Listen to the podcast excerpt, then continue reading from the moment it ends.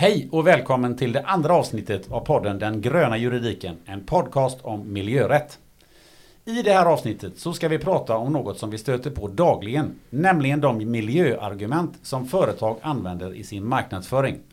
Ord som miljövänligt, hållbart, grönt, närproducerat eller varför inte ekologiskt på riktigt finns på var och varannan förpackning eller beskrivning.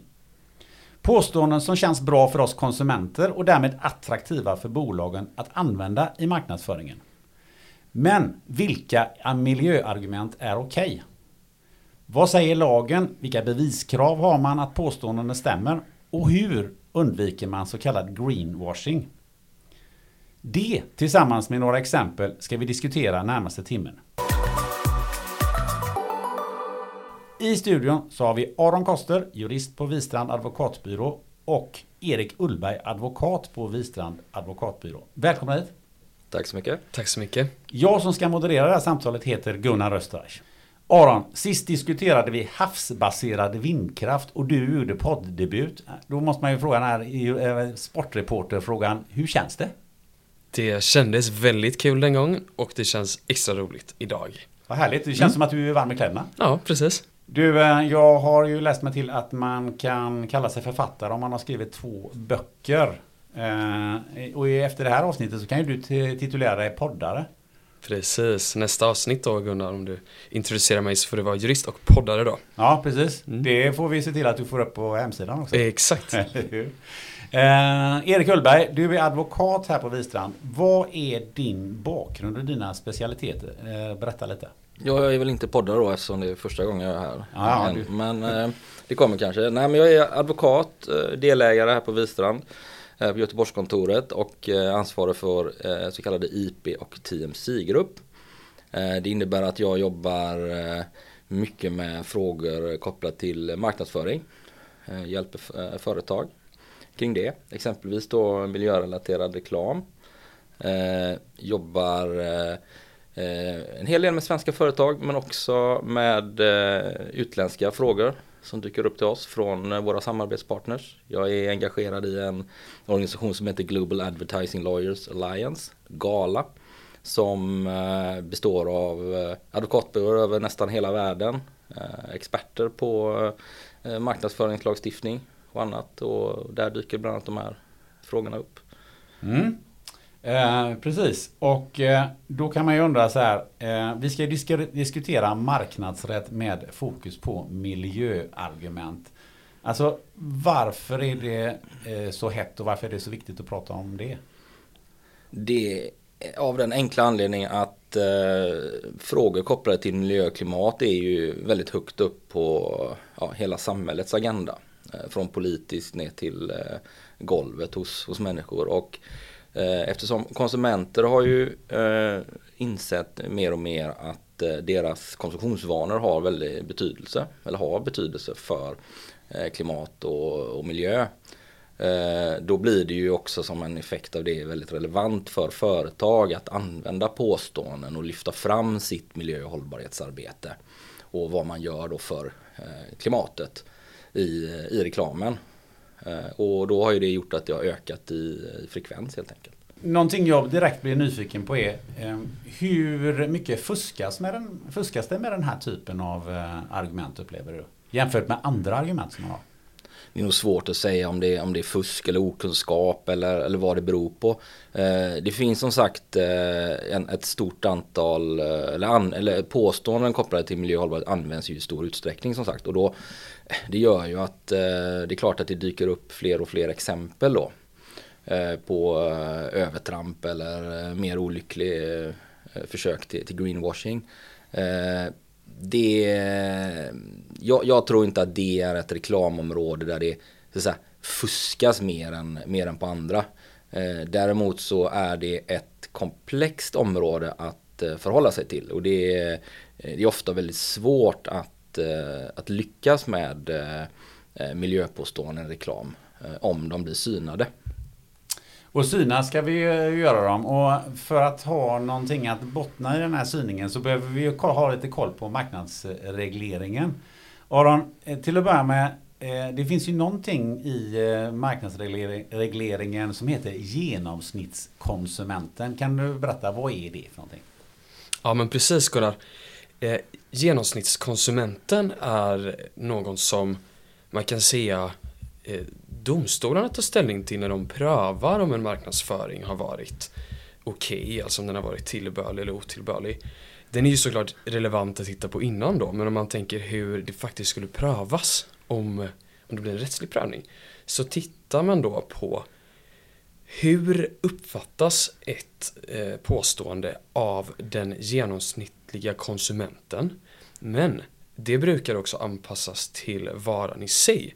Så det är kanske inte genomsnittskonsumenten, för vissa varor är inte hela svenska befolkningen. Utan det kan vara de som konsumerar den här typen av varor. Eh, det finns ett fall där man konstaterade att eh, genomsnittskonsumenten var den typiska läsaren av Dagens Nyheter till exempel. Eh, så det kan fastställas på det sättet då. Och man brukar säga det att en genomsnittskonsument den är liksom normalt informerad och den är skäligen uppmärksam och upplyst. Så, så detta tittar man alltså på då först. Hur mm. uppfattas ett påstående av genomsnittskonsumenten? Och sen så har vi någonting som heter god marknadsföringssed. Vad är det för någonting? Ja men precis.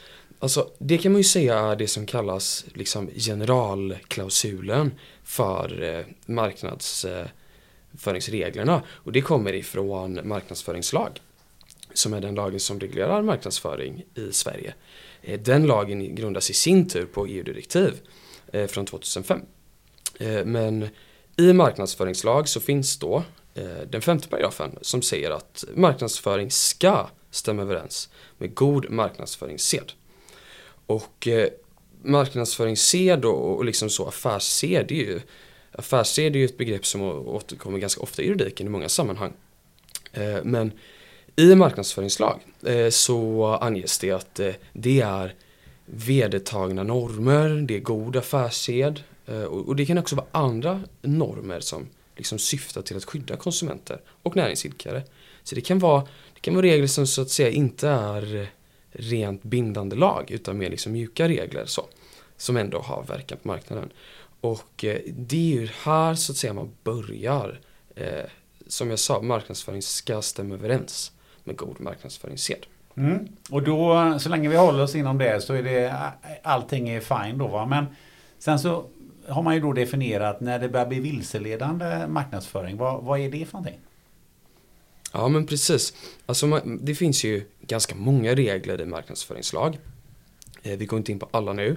Eh, men en regel så finns att man får inte använda sig av eh, framställningar som är vilseledande. Och eh, det innebär ju då att ja, eh, alla framställningar man gör måste vara korrekta. Man får inte heller utelämna information som kan vara väsentlig. Ehm, det kan även anses att alltså om, man, om man ger information på ett oklart eller obegripligt sätt så kan det också vara vilseledande som sådant.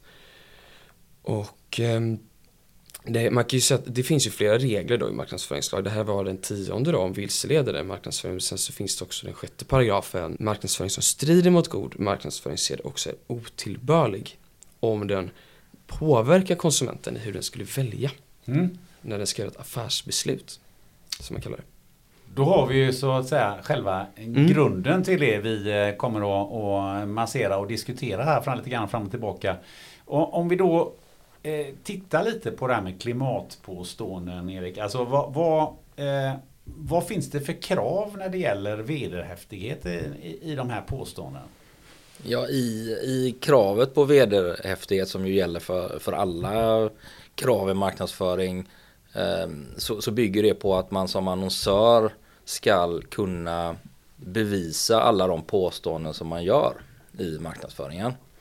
Eh, och det är ju ett eh Eh, relativt högt ställt krav i regel.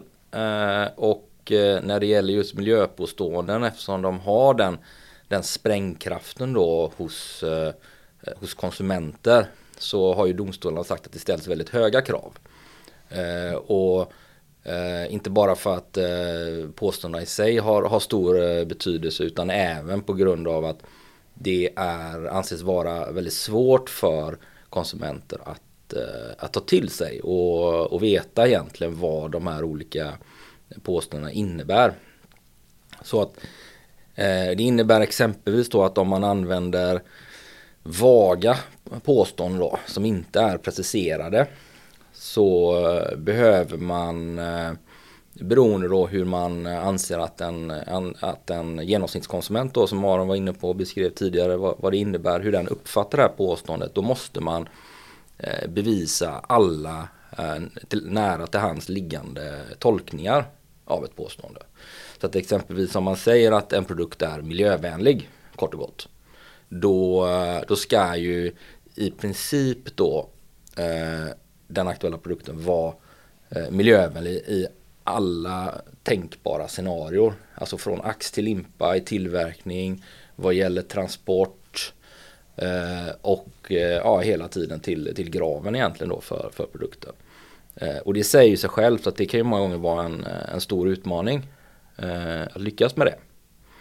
Eh, så att vad, vad, vad praxis i princip säger är att eh, du kan egentligen inte eh, använda allmänt hållna miljöpåståenden utan extremt robust eh, bevisning kring egentligen alla närliggande påståenden då. Eh, vilket i, ja, typiskt sett inte låter sig göra skulle jag säga. Det finns inga exempel på det som jag känner till i alla fall. Eh, utan vad du behöver göra är att du, du måste kvalificera eller, eller precisera sådana påståenden och sätta dem i relation till ett, ett visst konkret påstående. Exempelvis då att min produkt är miljövänlig i förhållande till och vad det nu avser då. Ja, för det, det tänker jag att eh, som, som gammal reklamare som är så eh, miljövänligt det är ju det som du säger, det är ju ett påstående som man inte kan det, det kan vi aldrig bevisa att den, min produkt är vänlig för miljön.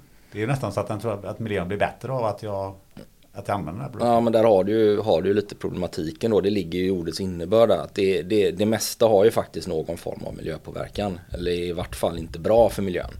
Eh, eller i vart fall att den, den har ingen påverkan alls då heller. Va? Eh, och, det, och det är just därför att du behöver eh, precisera påståendet och förklara vilka, eh, vilka miljöeffekter det är som i så fall åsyftas. Då kan man säga att min produkt är mer miljövänlig än den, andra, den andres produkt. Ja men det är ju inget, det är inget förbud mot det i sig då men det, men det ställer ju väldigt höga krav på eh, Eh, att det du påstår är, är objektivt sant och att du faktiskt kan, kan styrka att det är just så. Eh, så man, eh, man, man, bör ju, ett generellt råd är ju att iaktta ganska stor försiktighet när det gäller att och så peka ut en, en konkurrent eller, eller någon annan då. Då ska man ha på fötterna och vara väldigt, väldigt, väldigt tydlig med vad det är som du, vilken jämförelse du gör. Så att säga. För jag, jag tror Aron att eh, du har klurat lite grann på hur långt går det här? Ska man, ska man eh, bedriva egen forskning eller vad, vad, vad tänker du? Ja men precis, alltså det vill jag, hade jag väl velat fråga dig Erik, hur, hur tänker du? Liksom, kan man kan man bara googla lite och så hittar man en studie som man tycker liksom visar att ja, men, um, köttproduktion släpper ut mer än liksom, sojafärs. Eh, eh, eller måste man göra sin egna forskning för varje påstående? Måste det vara liksom forskning specifik för företagets egna produkt? Eller hur, hur liksom får man till det? Ja, alltså det, det finns ju inga, inga tydliga direktiv där från, från lagstiftarens sida eller från praxis som säger att bevisningen måste ha en, en viss karaktär eller någonting utan det är ju Eh, som alltid i Sverige så, så råder ju någon slags fri bevisprövning och, och, och, och styrkan i bevisningen prövas på egna meriter. Eh, men typiskt sett så kan man ju säga, eh, säga så att naturligtvis så ska ju det man åberopar vila på en vetenskaplig grund då. Och eh, den, den, ska, vara, ska vara robust. Eh, men, eh, och, och det är klart att om du exempelvis tittar på på uppgifter som har en, en tveksam källa på nätet eller någonting. Det, det, det ligger ju i farans riktning att det kommer värderas med försiktighet av en, av en domstol. Eh, och sen är det klart att man, man, en, en vanlig fråga som jag får ibland är att ah, okej okay, kan vi åberopa eh, våra ena anställda experter då som kanske jobbar inom, inom företaget eller behöver vi anlita en oberoende part? Eh, och där är väl egentligen eh, rådet som så att ja men det är klart att en oberoende eh, aktör då eh, Låt vara att han liksom är, är beställd och, anlitad då av, av en part i, i eventuell tvist då. Eh, kanske som utgångspunkt då tillmäts lite, lite större betydelse. Eh, men det innebär ju inte att det nödvändigtvis är så att man, man alltid måste göra så. Det finns exempel från, från praxis där även då eh, anställda experter hos, eh, hos annonsören har, eh, har fått betydelse för att, att, styrka ett miljökrav. Men då var det också i, kombination med att det fanns annan bevisning som så bekräftade då den anställdes bild. Då. Nå någonting som, som jag har hört flera gånger när jag har pratat med forskare. Det är att man gärna anklagar varandra för så kallad cherry picking. Alltså att det finns då forskare som påstår någonting och så tar de ut en forskningsrapport utav hundra.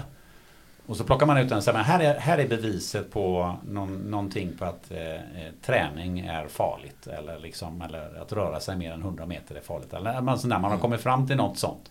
Hur, hur, hur bedömer man det ur, uh, i det här fallet?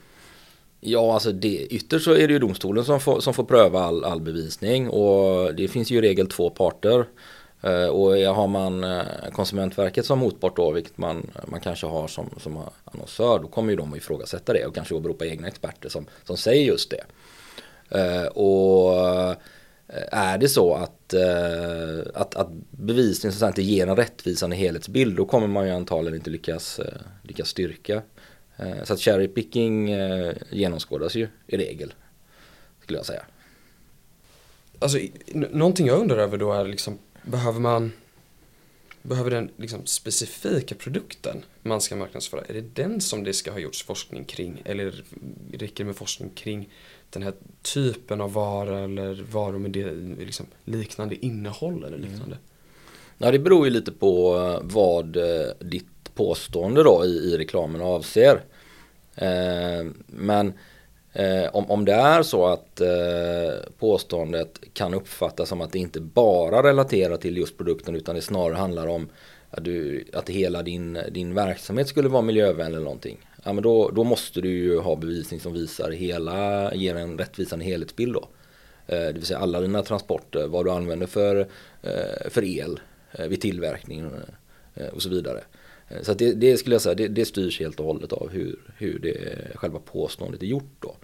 Eh, och det viktiga där är väl att man just säkerställer att bevisningen som man åberopar faktiskt eh, styrker det man, eh, man avser och inte bara då en, en, en detalj i sammanhanget utan fångar alla aspekter. För att vi ska få det här lite mer levande då så, så finns det ju ett antal exempel på vad man kallar för grön marknadsföring. Alltså, eh, och, och där man då dels har gjort fel och, och ibland har man gjort rätt. Erik, kan du, kan du dra några sådana eh, exempel så vi får det illustrerat? Jo men det finns ju en, sen, sen ett antal år eh, många, många exempel. Eh, ett exempel som jag tycker är lite, lite kul, eh, delvis för att det är Eh, det är så här, det är liksom, eh, det, det, man, eh, man använder i vart fall på ett indirekt sätt vår välkända miljöaktivist Greta Thunberg då i, i marknadsföringen. Det gäller ett avgörande från reklamombudsmannens opinionsnämnd gällande BMW. Och det, det avsåg en, en helsidesannons som publicerades i, i Dagens Nyheter. Jag tror att det var i en eh, annonsbilaga i samband med att eh, Greta Thunberg var eh, chefredaktör för en dag. Eh, om jag minns för, eh, det var väl något år sedan eller ja, två, eller när det nu var va. Eh, och, och, där fanns det en, en bild med en rektangulär vit skylt ja, som det var uppenbart att den åsyftade det här plakatet som Greta Thunberg har när hon, när hon demonstrerar på, på fredagar då inom ramen för Fridays eh, for Future. Och där stod det på den skylten eh, i stora versala svarta bokstäver att världens bästa bilmärke för, eh, för klimatet. Eh, och det såg ut att vara handskrivet och sådär. Eh, den täckte större delen av skylten eh, och sen så stod det i mycket mindre stilgrad längst ner på skylten eh, också det är versaltext att BMW är världens mest hållbara biltillverkare enligt Dow Jones Sustainability Index 2020. Eh, och det, det, var ju någon slags disclaimer, ett, eh, ett försök att eh, precisera och, och, kvalificera det här, eh, det här eh, kravet då. Eh, men Reklamombudsmannen tyckte ju att det, här, det här räcker inte Eh, för att, eh, för att reklamen inte ska vara eh, vilseledande. Det uppfattades som ett vagt påstående i, i marknadsföringslagens mening även för det fall att, att det fanns så säga, ett försök till kvalificering. Och det, det berodde på att det här Dow Jones Sustainable Index det var, kunde inte anses vara någonting som en, Eh, en genomsnittskonsument kände till. Utan det hade i så fall behövt förklaras eh, eh helt enkelt. Eh, det, det räckte inte bara med, med, med en hänvisning kort och gott då. Eh, så, det, så det var egentligen första problemet och, och sen då ledde ju det till att ja, okej okay, då uppfattas det här som ett vagt påstående. Vad innebär då påståendet? Ja, världens bästa bilmärke för klimatet. Det uppfattas ju helt enkelt som att det är bättre eh, klimatmässigt jämfört med alla andra tillverkare av personbilar i hela världen. Och bevisningen då som eh, ja, ju allt väsentligen då blir vad, vad som framgår av Dow Jones Sustainability Index. Eh, där kan man ju för det första frågasätta ganska enkelt att ja, men finns ens alla bilar med? Ja, antagligen inte då. Eh, så det gör ju att då faller ju liksom, då, då, då har du ju inte, då har du inte styrkt det påståendet då.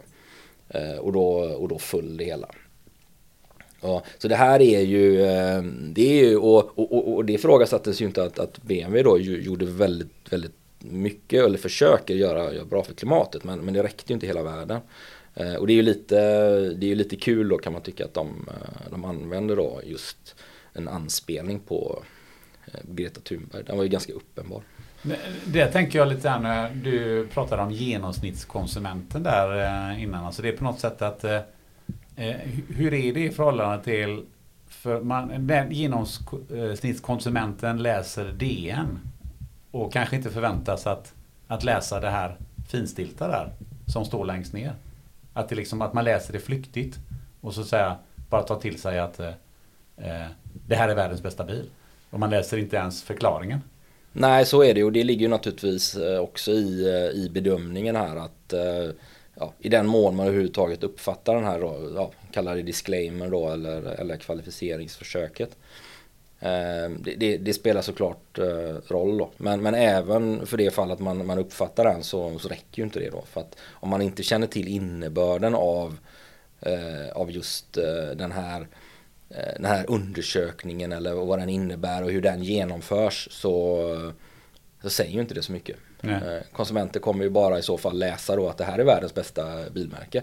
Det är ju så, det är så egentligen då vad det kokar ner till från eh, reklamombudsmannens opinionsnämnds bedömning att det, det är egentligen det påståendet de facto innebär.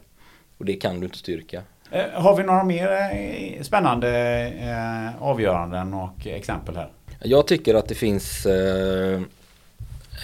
ett fall som, ett, ett, om man ska säga då, liksom från annonsörens synvinkel positivt då. Där man, man faktiskt lyckades eh, visa och, och, så säga, försvara ett miljöpåstående. Då. Det, det, finns, det finns ju en mängd praxis som, som visar på, på exempel där det inte har gått. Eh, men det finns ett, eh, ett från 2010 och från, från Marknadsdomstolen som gällde Mercedes. Och Bilar har ju, och fordon har ju varit eh, ganska vanligt förekommande i, i domstolarna här då eftersom det är ju typiskt sett eh, produkter som inte direkt förknippas med eh, miljövänlighet och, och, och bra för klimatet och så.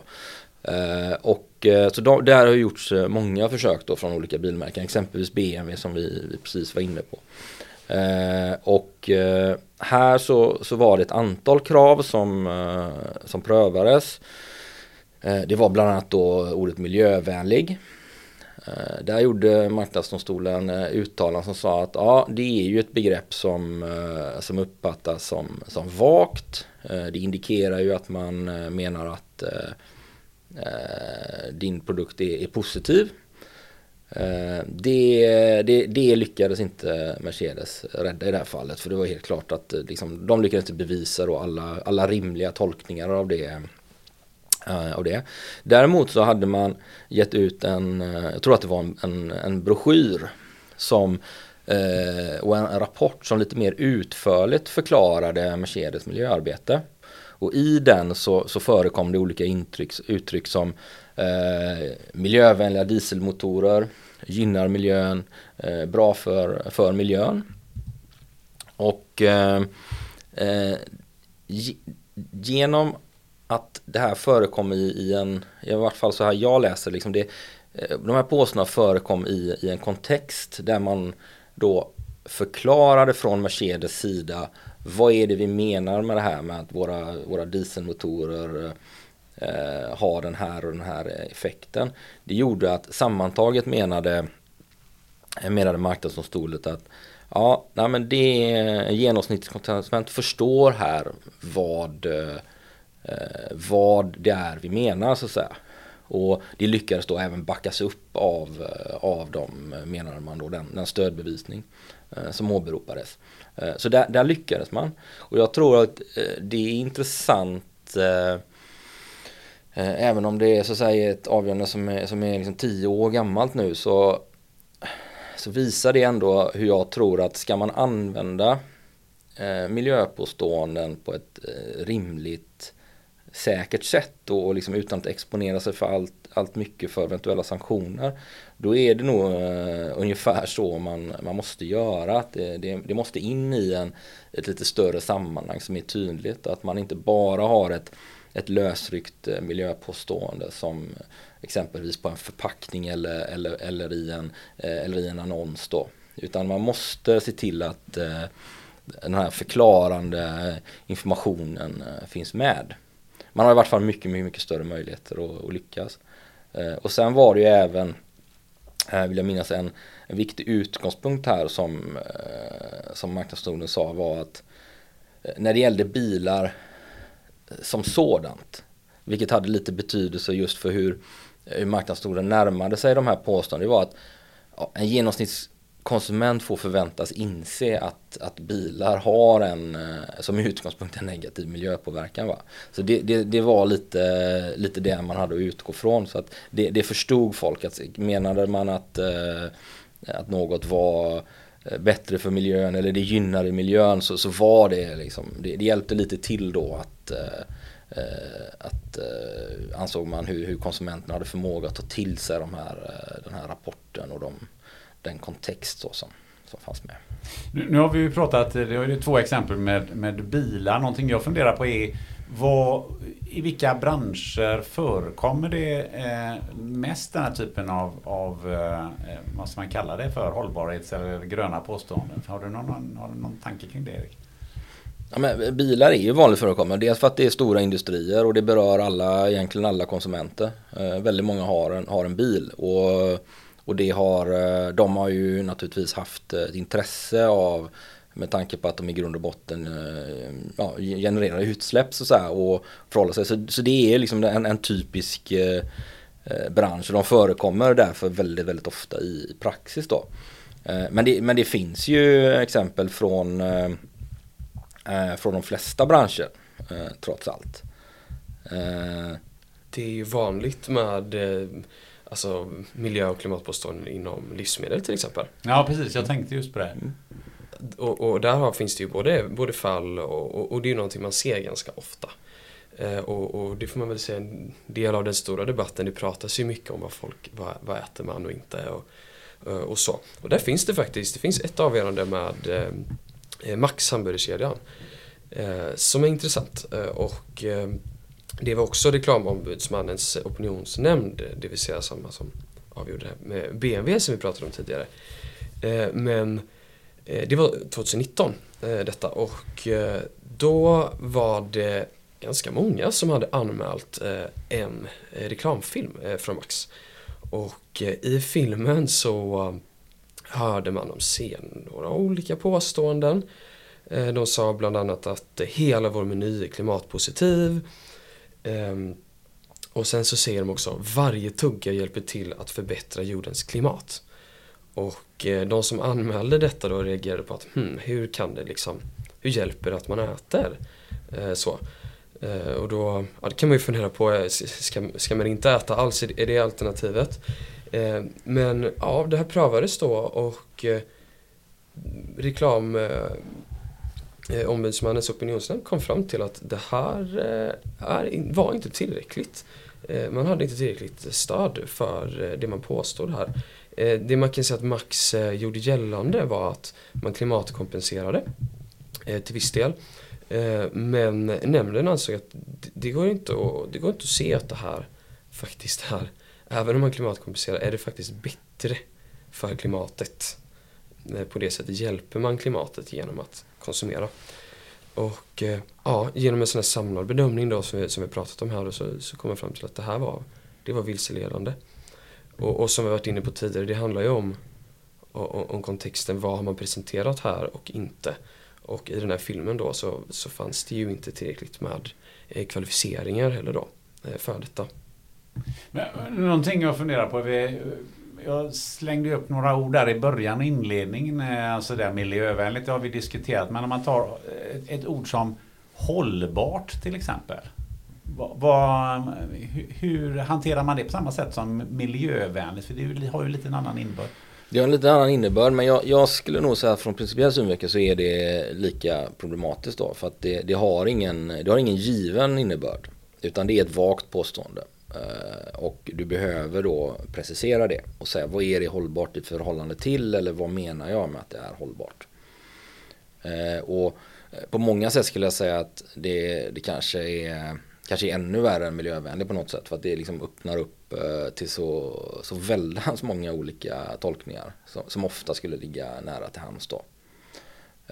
Men det är, det är liksom i grund och botten så är det samma problematik som andra vaga miljö, miljöpåståenden. Du behöver kvalificera dem och ha väldigt bra bevisning för att kunna ro hem dem. Är det samma sak om jag säger att någonting är grönt? Ja, ska jag säga. Det, det, det är exakt eh, samma.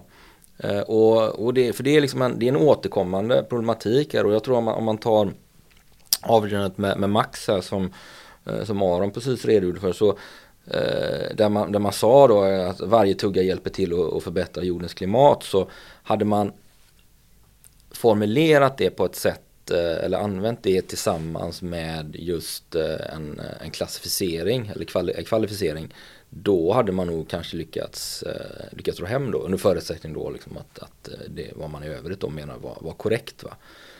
Men i det här fallet så, Eh, så, så hänvisade man ju då, vill jag minnas till en, en ISO-standard och, och, och redogjorde mer för hur man, eh, hur, eh, hur ens beräkningar var, var gjorda. Och, det, det, det, räcker ju inte när det finns andra potentiella möjliga tolkningar för genomsnittskonsumenten som ligger till nära till hans att göra då, då, då säger ju inte det eh, någonting.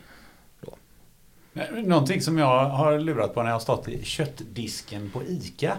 Det är som man väljer så plötsligt så ser man någon som har lagt kött i grön, gröna tråg. Och så, och så går man fram och tänker man att det här är nog eh, eh någonting som är eh, någon eh, ekologiskt eller något sånt där. Och så ser man bara att det, men det var, ett, det var ju bara ett vanligt ICA-kött lika väl som det som var i de här vita eller svarta trågen. För det var inte det var inget speciellt. Det var från, möjligtvis från någon, någon gård men det, det stod ju liksom inget mer än så. Det, vad, vad går gränsen tänker jag för, för eh, vad som är vilseledande och inte? Ja, du menar om man bara använder en grön färg så att säga? Ja, om du använder ja. ett, ett, i, i, en köttdisk så använder du ett, precis ett grönt tråg. Mm. Man förstår ju underförstått vad det här ska signalera. Men det står i ordet grönt eller är den bara färgad grönt? Den är bara färgad grön. Ja, det tror jag man, det, det, skulle nog uh, vara svårt att, att angripa. Så att säga. Eh, färger som sådant. Och det, det, det, är, det är möjligt att i, i framtiden att det kommer vara så att färgen grön då på något sätt anses ge så tydliga eh, förespeglingar så att det blir ett, ett påstående i sig. Men, men det skulle jag inte säga idag. Jag tror att det där är väldigt subjektivt också. Eh, men jag skulle, jag skulle kanske tycka att svart var var liksom, ja men det där köttet vill jag ha liksom. Det, det, det är svart liksom. Men det är inte för att jag tror att det skulle vara klimatdåligt utan det kanske är mer för att jag uppskattar den färgen. Ja. Ja, nej, men jag, jag, jag är hårdrockare också. Så ja. Hårdrockskött. Ja. Eh, innan vi lämnar de här. Jag är lite nyfiken på det här med närproducerat. Mm. Vad lägger man för värdering i det Erik? Ja, det finns ju alltså ord som, som eko, närproducerat och sådär. Det, där, där hamnar man ju delvis också i, i, i ett annat regelverk som är ett speci, speciallagstiftning då på EU-nivå kring eh, ja, vad, som anger lite tydligare liksom vad det är. Så det måste man förhålla sig till. Men om man tittar på det eh, från en mer allmän marknadsrättslig eh, synvinkel så, så är det ju också påståenden som Eh, Eh, som har förekommit i praxis. Eh, de har eh, precis som miljövänlig, grön och hållbar betraktats som har en, en positiv innebörd. Till viss del kanske den genomsnittskonsumenten har en, har en lite tydligare uppfattning om vilka förväntningar man har på en sån produkt. Då. Men det är fortfarande så pass allmänt att du måste då, de är vaga och du behöver precisera dem. Eh, så det kokar egentligen eh, återigen då ner till eh, det här att man, man behöver kvalificera en påstående vad man menar och ha, ha robust bevisning då. Och, ja, men om vi dyker ner här och nära, vad är nära? Nära är ju ett synnerligen tänjbart begrepp. Alltså för mig är ju nära eh, om det är producerat i Stockholm men det är långt till Rom. Men, men för någon annan person så kanske det är nära till Rom. Men eh, det kan vara närproducerat men inte om det är producerat i Peking. Nej men det är helt riktigt och det, och det är just därför du behöver förklara det i och med att det inte har en bestämd innebörd. Eh, och nära kan vara väldigt mycket. Det är subjektivt och, och, och då blir det ju eh, per definition vilseledande då om du inte har en, en förklaring. För det, det, då hade det varit väldigt lätt för annonsörer att komma undan med det och bara säga att men vi tycker det här är nära. Och så funkar det inte. Utan, eh, utan det, det, det är ska säga, typfall på vad du menar då med, med nära. Eh, det är i alla fall det rådet jag skulle ge till, till mina klienter. Men eh, när man, om, man ska, om, man ska bara, om man ska avgöra det här. Om man sitter så att säga utanför och säger ja men, nej, men det är inte nära. Och Rom är inte nära. Mm. Nej, men jag, jag, så här, det, jag bara, jag, nej, jag tror någonstans får man väl ha en objektiv eh, måttstock. Men jag, jag, jag tror att eh, Rom och utanför Sverige skulle nog vara svårt att säga att det är nära. Eh, ett ord som ju används väldigt ofta så är det eko och ekologiskt. Och jag vet att det finns ett fall som avgjordes alldeles nyligen kring någonting som heter Midsona. Vad, vad är det för någonting? Ja men precis. Alltså det finns ju speciallagstiftning i EU eh, som gäller just ekologiskt. Så att ska du kalla liksom, vissa livsmedel och annat för ekologiskt så finns det speciella regler för det.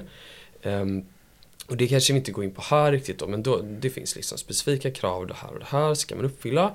Och så ansöker man om en sådan EU, att få använda EUs eko, ekologiska märkning. Um, men om man inte eh, omfattas av eh, det regelverket så att säga så blir frågan hur, hur, kan man kalla någonting för eko, ekologiskt eh, eller liknande. Och precis som du sa Gunnar så finns det ett eh, avgörande eh, från september i år. Och eh, där kan man ju säga att man, ja, det är då Patent och marknadsöverdomstolen som avgjorde ett antal liksom, intressanta saker och bland annat hur man kan liksom hänvisa till en annan ekocertifiering så att säga. Förutom den här europeiska då. Och eh, eh precis som du sa, Midsona då, Midsona Sverige AB, eh, ett bolag var det då som hade eh, marknadsfört och sålt eh, de livsmedel men, men också hud och hudvårdsprodukter eh, under varumärket Urtekram i det här fallet. Och de har lagt upp produkter på sin hemsida de hade gjort annonser på Instagram och vissa annonser på sin, på sin sida också. Och eh, här fanns det lite olika påståenden som till exempel upptäck vårt ekologiska sortiment. Eh, vi har ekologiska hud och hudvårdsprodukter, eh, alltid ekologiskt, hashtag ekoset, hashtag ekologiskt och till exempel eko på riktigt. Och då blir frågorna här, hur, hur kan, man, hur, hur, kan man säga detta? Vad krävs för, eh, liksom, hur, hur styrker man då att det är ekologiskt? Och då kan man se att det här avgörandet, det, det fanns liksom flera, det var konsumentombudsmannen som, som stämde dem. Och det fanns liksom flera punkter. Och eh, det blev liksom sån här typisk eh, domstolsprocess där det var ganska många olika punkter som avgjordes. Den första instansen, Patent och marknadsdomstolen, sa vissa saker. Och sen då i den senare instansen, Patent och marknadsöverdomstolen, så kom man då att pröva just det här med eko. Och då hade man hänvisat till något som kallas eh, Eko Cosmo, Cosmos Organic. Och då är frågan, hmm, eh, vet konsumenterna om vad detta är? Eh, räcker det att man ser en liten bild på det här eko, set Cosmos Organic eller måste man beskriva vad det är? Och eh, Patent och marknadsöverdomstolen kom fram till att nej, konsumenten känner inte till Ecoset eh, Cosmos Organic. Det medför att det räcker inte att skriva att, eller ha en liksom, bild där man ser det här Ecoset Cosmos Organic. Utan man behöver faktiskt då skriva ut vad är detta, vad är kraven för att vara med, vad innebär detta? Och man kan ju säga att fallet visar då lite på vilka certifieringar kan man använda sig av och, och, och mark, Patent och marknadsöverdomstolen var ju väldigt tydliga med att det är de väldigt robusta, starka certifieringarna som man kan använda utan att förklara sig. Typ nyckelhålsmärket och det här europeiska då, märket för livsmedel som vi nämnde förut. Övriga behöver man redogöra för, vad de innebär. Svanenmärket är väl ett sånt kanske också. Men det här, det här avgörandet är också intressant eh, för att det, det pekar väldigt tydligt också på Ja, dels såklart då eh, behovet av, av, av kompletterande information som, eh, som preciserar då ett påstående och förklarar. Men också ger och, och förklarar var, hur, lite mer hur man och var man, man ska presentera den här informationen. Eh, för grund, grundförutsättningen är ju att man ska presentera preciseringar och kompletterande information i eh, ja, i omedelbar anslutning till. Och eh, i, det här, i det här fallet så, så hade ju annonsören eh, menar man på information på sin hemsida. Det lyckades i och för sig, det ansåg inte marknadsöverdomstolen att, eh, att det var styrkt i sig. Man hade inte visat det om det fanns relevant information och så. Eh, men marknadsöverdomstolen gick ju också vidare och, och sa att ja, eh, även eh, om eh, det skulle vara så, så, så räcker det inte att informationen eh, finns på, på hemsidan. Eh, när du samtidigt har ett påstående som, som exempelvis finns på en, en, produkt eller, eller på ett annat eh, ställe. Eh, utan du behöver åstadkomma någonting mer och exempelvis att det finns kanske en, en länk direkt till eh, eh den kompletterande informationen. Eh, eller att det görs andra ansträngningar då eh, i anslutning till, till påståendet. Någonting eh, som, som jag funderar på, för jag var, var inne och kollade där på Ecocert Cosmos Organics webbsida och vad, vad, vad, som, vad som sägs där. Och, och, det känns ju fortfarande väldigt svårt för mig som konsument att avgöra vad det här innebär som jag egentligen köper. Ska jag bara läsa? Jag, jag, jag jag konstaterar att det fanns en, en 45-sidig pdf på någon beskrivning av en del utav deras certifiering. Och, och, då kan man ju, vad, vad, säger man om det? det? Det är ju omöjligt för mig som konsument att bedöma huruvida det här, vad det här är för någonting. Ja, och det, det är ju ett generellt krav att eh, den information som man lämnar som, som marknadsförare ska vara eh, lättillgänglig och tydlig. Så det är klart att, eh, och det är en av anledningarna till varför det finns anledning att, vara försiktig då eftersom mycket av av, den, eh, den bevisning och den information eh, är ganska tung faktamässigt vilket man bör vara, vara försiktig då. Men det, det, väl, det, det ligger väl samtidigt kanske i, i sakens natur då att om man, om, om, man ställer upp höga krav på, på bevisning och det, och det rör komplicerade eh, saker så, eh, så, så, så, så, ställer det också krav på, på mottagaren att läsa då. Men det får ju inte vara så att det är, skulle jag säga, bevisning som är, eh, som är helt omöjlig. Eh, och, och ta till sig bara att den är, den är liksom helt över utan då kanske man faktiskt skulle behöva bryta ner den på något sätt eller, eller sammanfatta den och hjälpa, hjälpa konsumenten. Men jag känner faktiskt inte till något av dem som just har fallit på att det har varit för komplicerad. Eh, så. Nej, men man kan ju, eh, om man backar lite så kan man ju ändå säga så här att, eh, att som konsument så, så om jag står och kollar och så är det någonting som är certifierat enligt, enligt någon, någon något ja, men som är certifierat enligt någon, någon organisation eller något, något sådant. Så blir det ändå väldigt svårt för mig att avgöra hur, hur pass pass ekologiskt det här är mm. egentligen. Vilket ju faller, då börjar falla tillbaka till att att det, det, det är fortfarande lite, känns det lite som, som vilda västern att man kan man kan påstå rätt mycket bara man har eh, lite komplicerade förklaringar så funkar det. Absolut. Man ska alltså, vara lite sådär eh, icke-juridisk. Nej men så är det ju. Alltså du kan ju inte, du får, om det är, det är alltid en helhetsbedömning som ska göras och om det är så, även så, så här, korrekt information kan ju presenteras på sånt sätt att det blir vilseledande. Eh, och, och det är väl den risken man tar då om man eh, eh, man har allt för, man försöker blanda bort korten då närmast. Eller om, om det är det som är avsikten. Eller om det inte finns en ond avsikt. Bara att man, det här, det här, det här går liksom inte att, att förstå. Då, då kan ju det vara, innebära ett, ett problem såklart. Och det, det är väl därför i så fall kanske om det är väldigt tekniskt vetenskapligt då kanske man måste bryta ner det lite och, och förklara det i en sammanfattning eller göra det lite mer eh, populärvetenskapligt. Eh, då tror jag i alla fall man begränsar risken. Då. Sen, var, sen var, var, var gränsen går här, liksom det, det, får man ju aldrig ett givet svar på förhand. Då, utan det, så, så fungerar ju inte eh, den här lagstiftningen. För jag, för jag tänker tillbaka till den här, återigen den här stackars genomsnittskonsumenten. Som, som ju som det ställs ganska höga krav på. Så, och, och ska man orka sätta sig in i det? Man, man sitter ekologiskt, ja men det verkar bra, så köper jag det. Man ska ha det klart för sig att alltså, genomsnittskonsumenten är ju en det, det är ju liksom en, en, en fiktiv person, det är en abstrakt person som, eh, eh, som man har tagit fram som, som sen då domstolarna avgör hur, eh, hur den så det är inte någonting som man får bevisning om att man här har vi tio personer eh, Sex av dem förstod inte, fyra förstod liksom, ah då är det inte, utan det är inte riktigt så, så det är utan det, det är ju en bedömningsfråga eh, eh, då. Vilket gör att, att vi glider in lite på ämnet greenwashing. För det, det, är ju lite så man kan säga att, att om jag använder mig utav eh, vissa påståenden eller så vidare så, så har vi ju den här lite glidande skalan om man ska, eh, man ska bevisa. Har man bevisat så är det ändå svårt för kanske genomsnittskonsumenten att förstå. Men, men eh, vad är greenwashing och hur ska man undvika det Erik?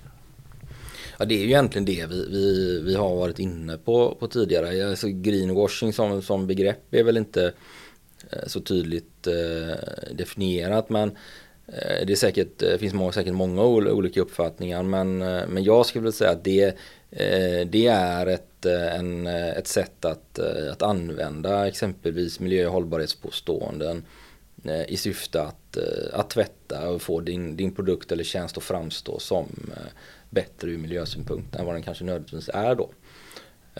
Och, inte, och sedan inte kunna backa upp det. Och du har lite punkter där eh, kring eh, hur man ska undvika det.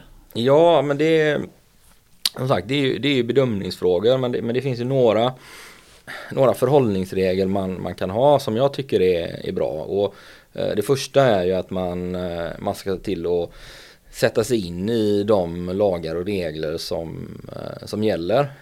Eh, och det finns ju olika regler då beroende på vilken marknad du, du rör dig på såklart. Eh, inom EU så har vi både nationell lagstiftning och, och regler på EU-nivå att förhålla oss till. Eh, sen gäller det ju att eh, vara eh, transparent. Använd klart och, och tydligt språk och om du använder symboler och, och certifieringar och annat så se till att de är ja, de används på ett korrekt sätt då och enligt kanske med, med de direktiv som och riktlinjer som gäller för det. Eh, annars så kanske de blir vilseledande bara av den anledningen. Sen gäller det ju att eh, alla de, eh, i tre, punkten tre då blir ju att alla de påståenden som du gör ska ju vara vederhäftiga och kunna styrkas av, av robust bevisning som ska vara trovärdig och, och även aktuell, uppdaterad då. Det ska inte vara, vara gammal data så att säga. Eh, och eh, de påståenden man gör ska ju också vara eh, typiskt sett avse hela livscykeln för, för produkter. Då. Och om det inte är det så, så får man helt enkelt precisera det. Och eh, punkten fyra, det är väl att man ska vara eh, just då öppen med de eh, villkor och eh, kvalificeringar eller preciseringar eller eh, som, som gäller för, för påståendet. Eh, och de bör ju även vara eh, som sagt enkla att, eh, att förstå. Och det får naturligtvis inte vara så att de, de preciseringar eller förtydliganden man gör eh, motsäger påståendet som sådant. Det, det, det funkar ju såklart inte tror jag. Eh, sen en femte sak Eh, är ju att det är nog trots allt så att det, är, det är klokt att säkerställa att man, man har oberoende Eh, rapporter eller eh, underlag då som, som stödjer eh, dina påståenden.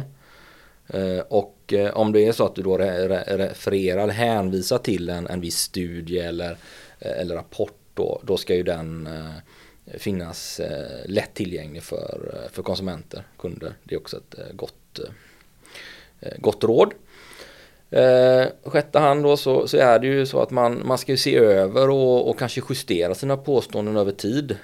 Eh, riktlinjer kan förändras, eh, praxis kan förändras. Eh, därför bör man eh, löpande ha, hålla koll och säkerställa att eh, man, man hela tiden då följer Eh, de riktlinjer och regler som finns.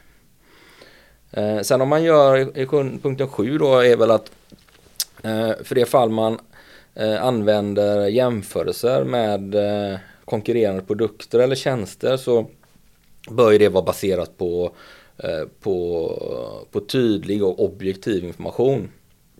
Så man måste se till att jämförande påståenden är vederhäftiga, de kan styrkas, att man är transparent och tydliga och att de lätt går att verifiera.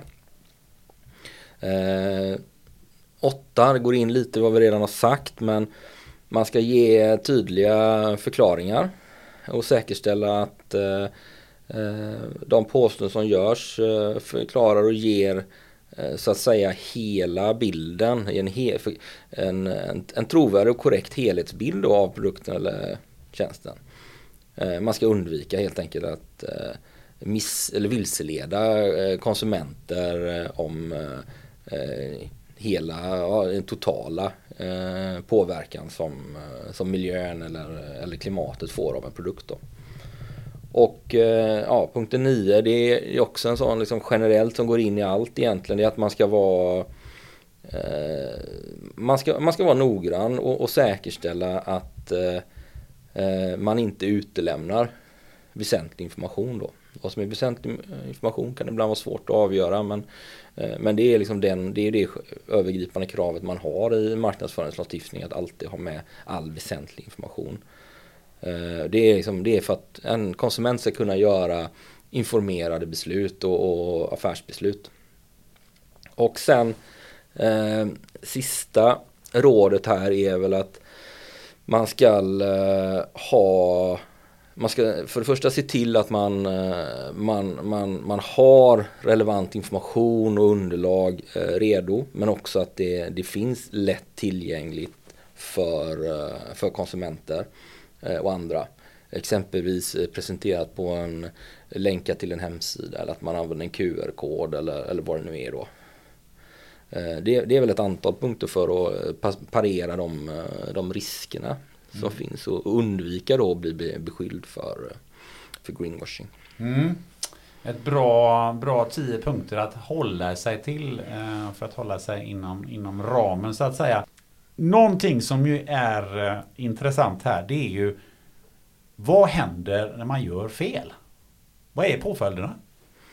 Ja, det, det, det, det som kan hända om man, eh, man ifrågasätts för sin marknadsföring är ju typiskt sett att du antingen har en, en konsument som eh, reagerar och, och väcker talan mot dig.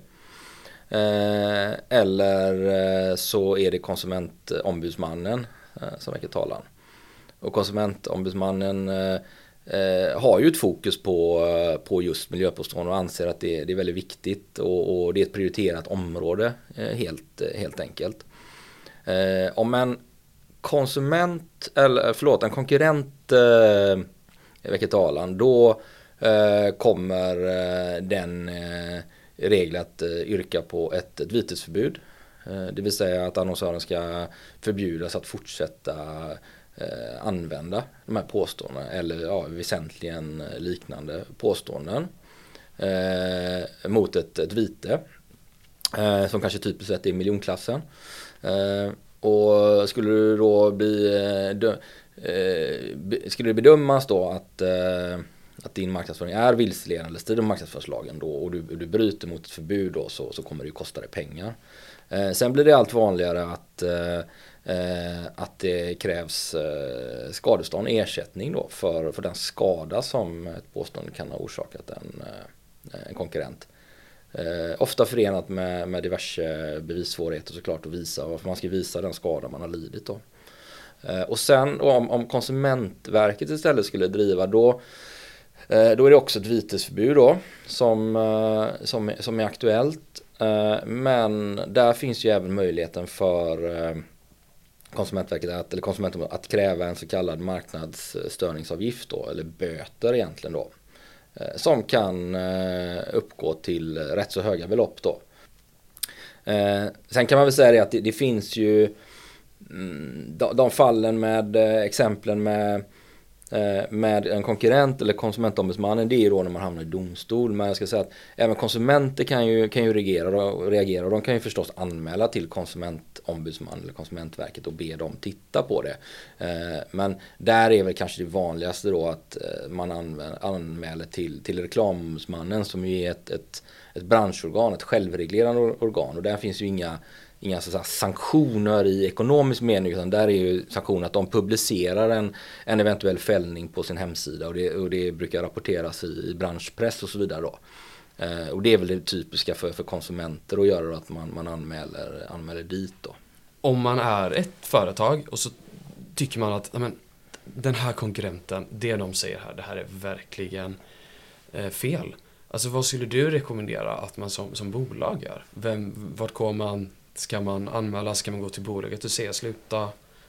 Vilken är liksom kanske den vägen du rekommenderar? Ja, men den vanliga vägen man går är att man, man börjar eh, med att skriva till, eh, till annonsören eh, och be dem förklara sig.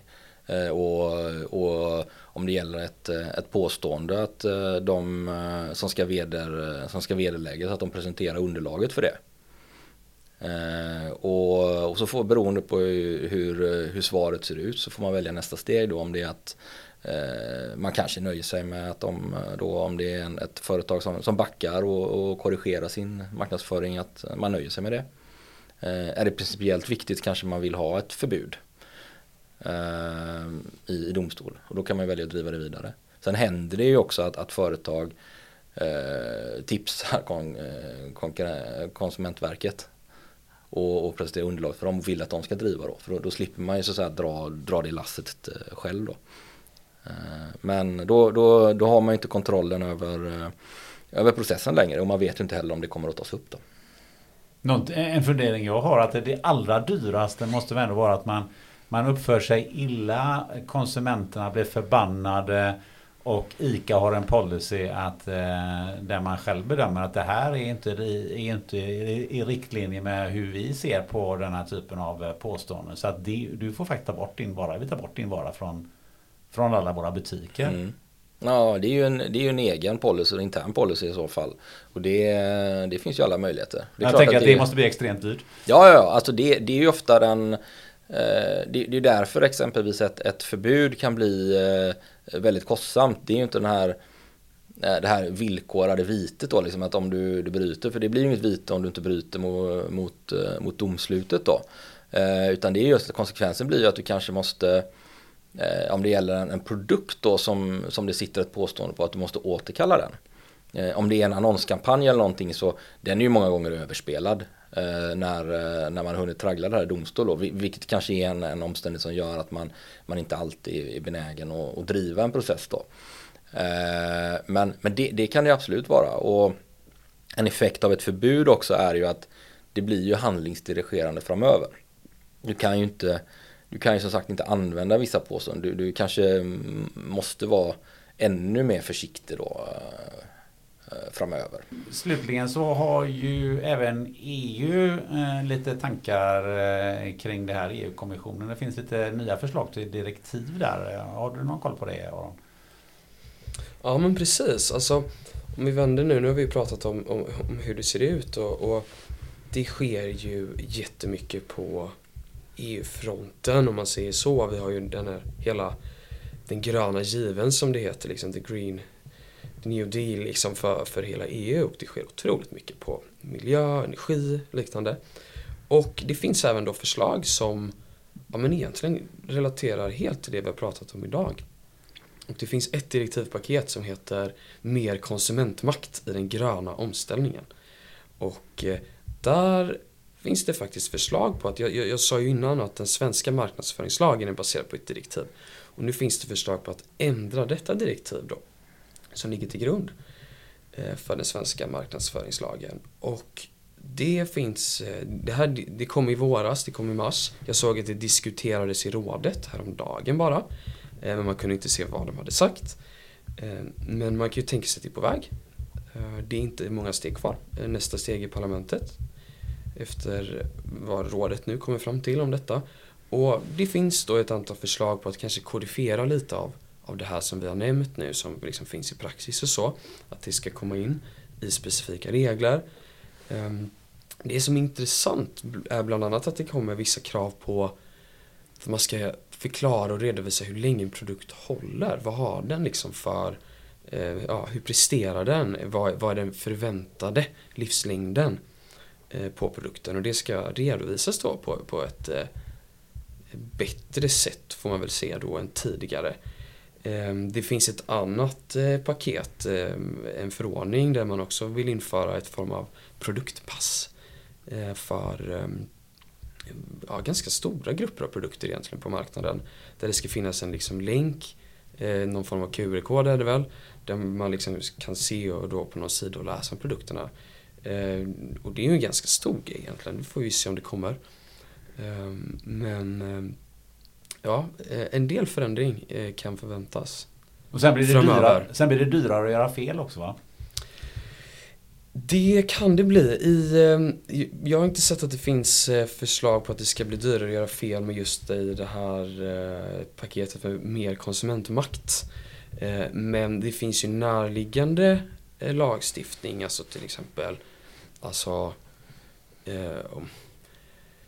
inte just marknadsföring i sig kanske på det sätt som vi pratat om idag men det finns ju ganska många nya konsumentregler som gäller på marknaden i det, liksom det digitala så att säga. Och där finns det hög bot idag om man gör fel som blir en stor andel av, av gruppomsättningen faktiskt om man nu har gjort riktigt fel då får man väl säga. Och de reglerna har ju relativt nyligen trätt i kraft redan då. Det har ju, det har ju varit en, en översyn och pågår ju en översyn av konsument och, och närliggande lagstiftning som eh, exempelvis då miljö, miljöreklam och, eh, och, och hållbarhetsreklam. Och det, eh, så där har ju sanktionsnivåerna redan triggats ordentligt och det är ju en trend vi ser i, inom EU. Och en annan trend där som, som hänger ihop är ju att, som jag i alla fall tycker mig se, det är ju att det blir ju mer och mer regulatoriskt fokus då. Det vill säga att Eh, det finns tydliga och, och klara regler på vad, vad företagen ska, ska förhålla sig till på, på, upp, eh, på förhand då. Så, så här, liksom det är mer, mer, mer compliance eh, och mindre att det, det är tillsyn i efterhand då där man kan få svara, stå till svars för sin, sin marknadsföring. Och det, det gör ju att man som, som företag annonsör så får man nog förvänta sig att det, det kommer i vart fall inte vara mindre komplext att och, och eh, göra rätt framöver. Utan eh, EU, EU, EU har en plan här. EU har en plan. Eh, vi, det var bli dags att avrunda. Men jag tänkte ändå slänga ur med frågan, för som du var inne på det här med, med eh, framtid och mer komplext och så vidare. Vad, vad är era reflektioner och vad, eh, vad tror ni hur det här kommer att utvecklas eh, framöver de närmaste eh, åren? Förutom att det blir mer komplext. Nej men jag, jag tror att alltså det eh, praxis kommer väl, det kommer bli fler och fler avgörande kopplat till, till miljöpåståenden, hållbarhetspåståenden och, och sånt. Det, det, det kommer, det, det är ett fokus som vår svenska konsumentverk har. EU håller som sagt på att se över och, och förtydliga och precisera de, eh, de reglerna. Eh, så det i viss mån kanske det kommer hjälpa till och, och, klargöra då exakt var, var gränserna går lite tydligare. För det är trots allt, även om det, det finns en hel del avgörande, inte alltid helt lätt att avgöra. Eh, så det, liksom, det, det, kommer att vara, det kommer att stå i, i fokus. Och i takt med att det, det blir mer och mer högre, högre sanktioner så, så kommer det säkert att skrivas ännu mer om det. Ja, nej precis så. Men om man vänder på det då så, om man ser till de här EU-paketen då så syftar ju de till att det ska vara faktiskt enklare att leva hållbart. Så kanske det blir mer att förhålla sig till för företagen, men kanske konsumenterna kan få det lite lättare att välja eh, då ja, hållbart. Mm, absolut. Mm. Låter jättebra. Erik Ullberg och Aron Koster från Wistrand advokatbyrå. Ett stort tack för det här intressanta samtalet eh, kring marknadsföring och där man använder miljöargument och hur man ska undvika så kallad greenwashing. Eh, jag har lärt mig otroligt mycket och hoppas att du som har lyssnat känner detsamma. Eh, tack för att du har lyssnat till ännu ett avsnitt av podden Den gröna juridiken. Hej och på återhörande.